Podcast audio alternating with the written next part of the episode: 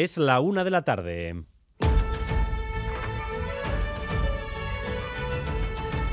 Crónica de Euskadi con Dani Álvarez.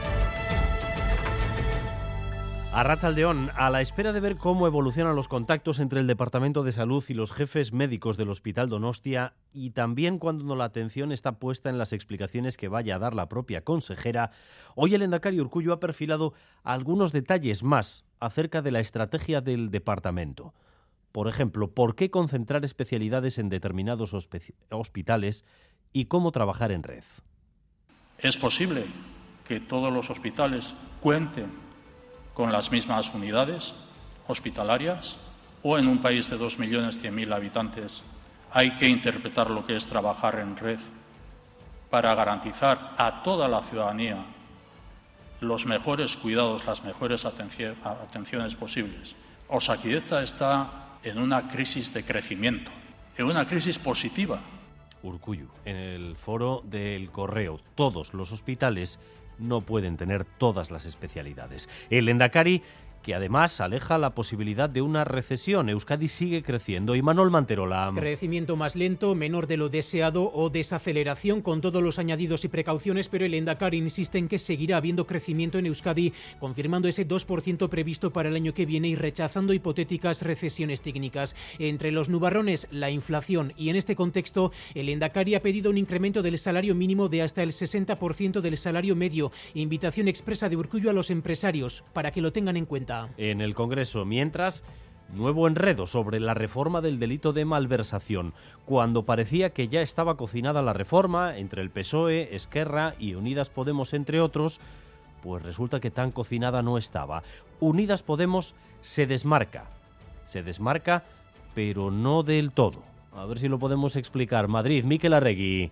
Sí, Unidas Podemos no oculta su incomodidad con la reforma del delito de malversación, por lo que anuncia que no firmará la enmienda que esta tarde el PSOE llevará a ponencia. Los morados creen que la propuesta de rebajar de seis a cuatro años la malversación sin lucro abre la puerta a otras interpretaciones de la ley, por lo que dicen no la van a firmar, aunque parece que la acabarán apoyando. Unidas Podemos recuerda que son los socialistas quienes lideran las conversaciones con Esquerra y que estudiarán todas las propuestas que hay sobre la mesa antes de decidir qué van a hacer.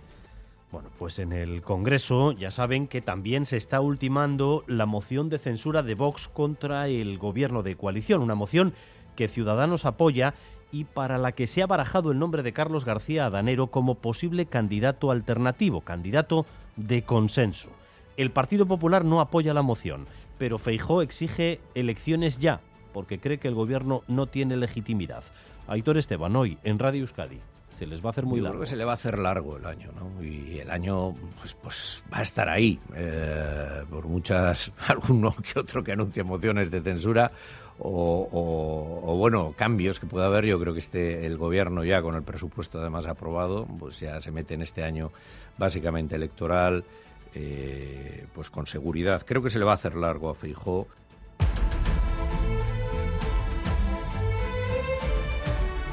En el Parlamento Europeo se mezclan los sentimientos de indignación y vergüenza por el escándalo del Qatar Gate, el soborno de las élites cataríes a europarlamentarios para facilitar trámites, gestiones o incluso leyes. Hoy mismo va a haber una declaración de condena del propio Parlamento. Bruselas, Amaya, Portugal. El último pleno del año en Estrasburgo arranca esta tarde y en él se espera una declaración de condena de la presidenta del Parlamento Europeo, Roberta Metsola. Todo apunta a que todos los debates y votaciones relacionados con Qatar quedarán suspendidos hasta que se aclaren los hechos, incluida la votación de la liberalización de visados que iba al pleno después de que se le diese luz verde en comisión parlamentaria con el voto a favor, entre otros, de la vicepresidenta de la Eurocámara, Eva Kaili. Kaili continúa detenida e imputada junto a su pareja y un ex eurodiputado, todos socialistas. De hecho, el Grupo Ha expulsado ya a Kylie y Mechola le ha retirado también todas sus funciones como vicepresidenta. Y a vueltas con el transporte público y los debates que tenemos abiertos en el país, ¿quién paga? ¿Quién da más ayudas? Hoy, primer día de gratis total para los jóvenes hasta 12 años en los autobuses de Vitoria. Todos contentos, Sonia Hernando. Todos, al menos casi todos contentos, aunque según los choferes a los que hemos preguntado no se ha notado en este primer día un aumento del volumen de viajeros. Hay quien cuestiona que estas ayudas sean universales y no en función de la renta, pero también quien peor lo pasa pide que las ayudas se amplíen. La cuota para mayores no sea igual para menores de años, ¿no? Hasta menos la, la, la etapa del instituto que es obligatorio a menos que se rebaja algo. Me gustaría que fuera también en el tranvía, porque que tengo entendido solamente es en el autobús.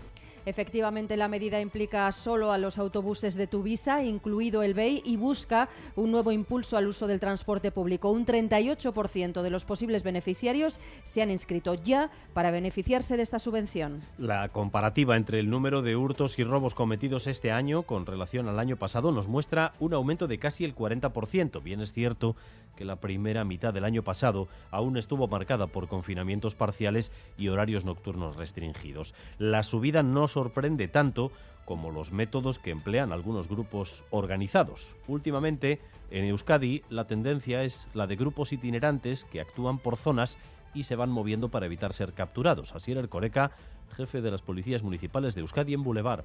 Los robos en domicilios sí se ha constatado que hay grupos itinerantes que vienen de fuera, que hacen una campaña, una campaña, tres, cuatro, cinco días a ciertos municipios intensiva, de repente en una localidad en la que nunca ha sucedido gran cosa, de repente hay tres, cuatro robos seguidos y lógicamente eh, surge ese temor y son este tipo de grupos que luego abandonan la zona y se dirigen a otra.